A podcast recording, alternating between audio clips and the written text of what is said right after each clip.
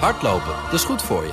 En Nationale Nederlanden helpt je daar graag bij. Bijvoorbeeld met onze digitale NN Running Coach... die antwoord geeft op al je hardloopvragen.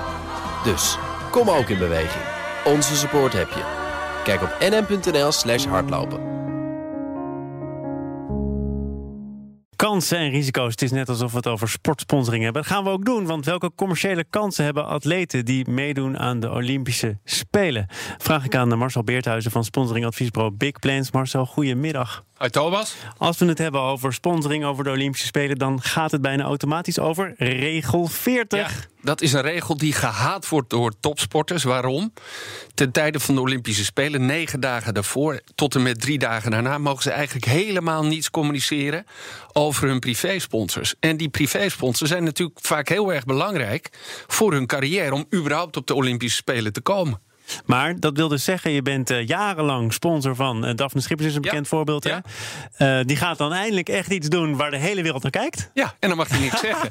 En dan mag nee. je de genees feliciteren. Nou, feliciteren mag nog net, maar zonder aan te haken bij goud of zilver of dat soort termen. Of de, de, de plek waar de spelen plaatsvinden. En, maar er is gelukkig iets aan het veranderen. Ja, nog heel even, ja. want ooit is hierover gedacht dat het slim zou zijn of nodig zou zijn. Waarom is die regel er? Nou ja, het IOC doet dit omdat ze zeggen: ja, de partijen die ons sponsoren, de grote sponsors, de topsponsors van de Olympische Spelen, die betalen zoveel geld. Bij elkaar opgeteld in die vier jaar zo'n beetje 1 miljard. En hun rechten moeten we natuurlijk beschermen. En we moeten ook de rechten beschermen van de lokale sponsors, van de lokale NOC's. En dat is de re reden dat ze ontzettend streng zijn. Dat heeft natuurlijk ook te maken met het feit dat je bij de Olympische Spelen helemaal geen uitingen ziet van sponsors. Dus het, het, eigenlijk door iedereen tegen te houden, willen ze vooral hun eigen sponsors een goede plek geven. Maar je zei het al, er gaat iets veranderen. Ja. Uh, gaat het niet goed schiks dan kwaad schiks? In ieder geval via de, via de rechter zelfs. Hè? Ja, de mededingingsautoriteit in Duitsland is ingesteld al voor de winterspelen, Pyeongchang. Uh, die heeft eigenlijk gezegd: ja, dit past niet, dit mag niet, die, die regels gaan veel te ver.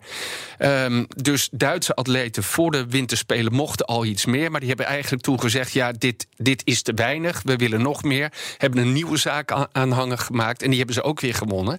En dat betekent nu dat in Duitsland uh, de Olympische atleten wel hun privésponsors mogen uh, zeg maar bedanken en dat die mogen inhaken tijdens de Olympische Spelen. Maar alleen in Duitsland? Of? Alleen, alleen in Duitsland. En het IOC heeft er nu op gereageerd.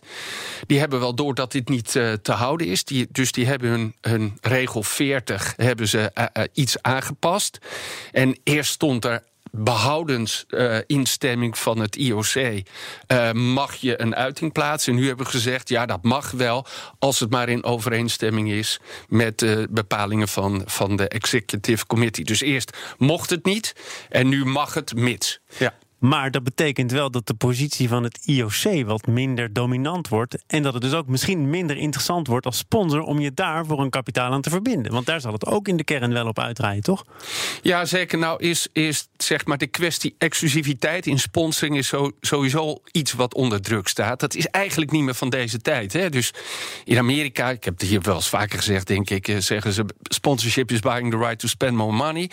Als je die recht hebt, dan moet je die ook gebruiken. Dan moet je natuurlijk de aanval kiezen. En juist laten zien dat jij een officiële sponsor bent. Uiteindelijk is het gewoon niet vol te houden dat ze al die exclusiviteitsbedingen in, uh, in stand houden. En zal dat steeds meer gaan afkalven. Wat er nu gaat gebeuren, dat het IOC het overlaat aan de nationale NOC's. Oh, die dus, krijgen het dan druk, want uh, Duitsland denkt er misschien weer anders over dan ja, Nederland. En ja, Nederland en Sven Kramer of Daphne Schipper zegt: kijk eens wat ze in Duitsland mogen. Ja, dat mogen wij dan ook wel. Waarom mag dat hier dan niet? Wordt Duitsland dan de standaard? Want dan zou het heel snel opgelost zijn natuurlijk. Nou, dat is maar de vraag. Dus uh, Bach, hè, de voorzitter van het IOC, zegt... ja, er is niet een one-size-fits-all oplossing hiervoor... dus we laten het aan de landen over. Dit betekent wel dat er ja, onrust gaat komen... en dat er ook ongelijkheid komt. En dat is natuurlijk weer een nieuwe reden... om bijvoorbeeld naar de rechter te stappen. Vind jij dit al met al een goede ontwikkeling, of niet? Ja, ik vind het wel een goede ontwikkeling. Uh, kijk, wat je natuurlijk niet wil, is dat uh, uh, zes maanden voordat de Olympische Spelen beginnen, er een slimme sponsor is en die zegt: Ik stap even in, ik geef wat geld. En dan mag ik tijdens die periode maximaal mag ik dat exploiteren. Maar bedrijven die heel veel geld stoppen in een bond, in een team of in een atleet, die moeten natuurlijk ook de mogelijkheid hebben om gedurende die periode ook in te haken op dat succes wat ze mede veroorzaakt hebben. Maar kun je dit als voorwaarde stellen? Want jij, jij schetst hier iets wat heel erg voor de hand ligt, toch? Ja, ja. nou, eh, NOC-NSF kijkt daar ook wel naar hoor. Dus die vindt dat uh, belangrijk. Uh, voor heel veel atleten is dit natuurlijk de manier om echt, echt wat geld te verdienen. Mijn visie is waar het uiteindelijk op uit gaat draaien dat uh, IOC dit niet in stand kan houden. En dat die hebben dat geld natuurlijk van die grote sponsors nodig. Dus wat je zult gaan zien, denk maar aan het Champions League model, dat je toch meer zichtbaarheid krijgt van die grote sponsors tijdens de Olympische Spelen. Nu is dat maar, zijn dat maar een paar merken, bijvoorbeeld een sportmerk wat je ziet, of Omega bijvoorbeeld, die alle tijdmeting doet. Ik denk uiteindelijk dat je boarding en dat soort zaken, dat je dat ook tijdens de Olympische Spelen gaat krijgen, omdat ze dat geld gewoon uh, hard nodig hebben. Marcel Beerthuizen van sponsoringadviesbureau Big Plans. Tot volgende week. Tot dan. Hardlopen, dat is goed voor je. En Nationale Nederlanden helpt je daar graag bij. Bijvoorbeeld met onze digitale NN Running Coach... die antwoord geeft op al je hardloopvragen. Dus, kom ook in beweging.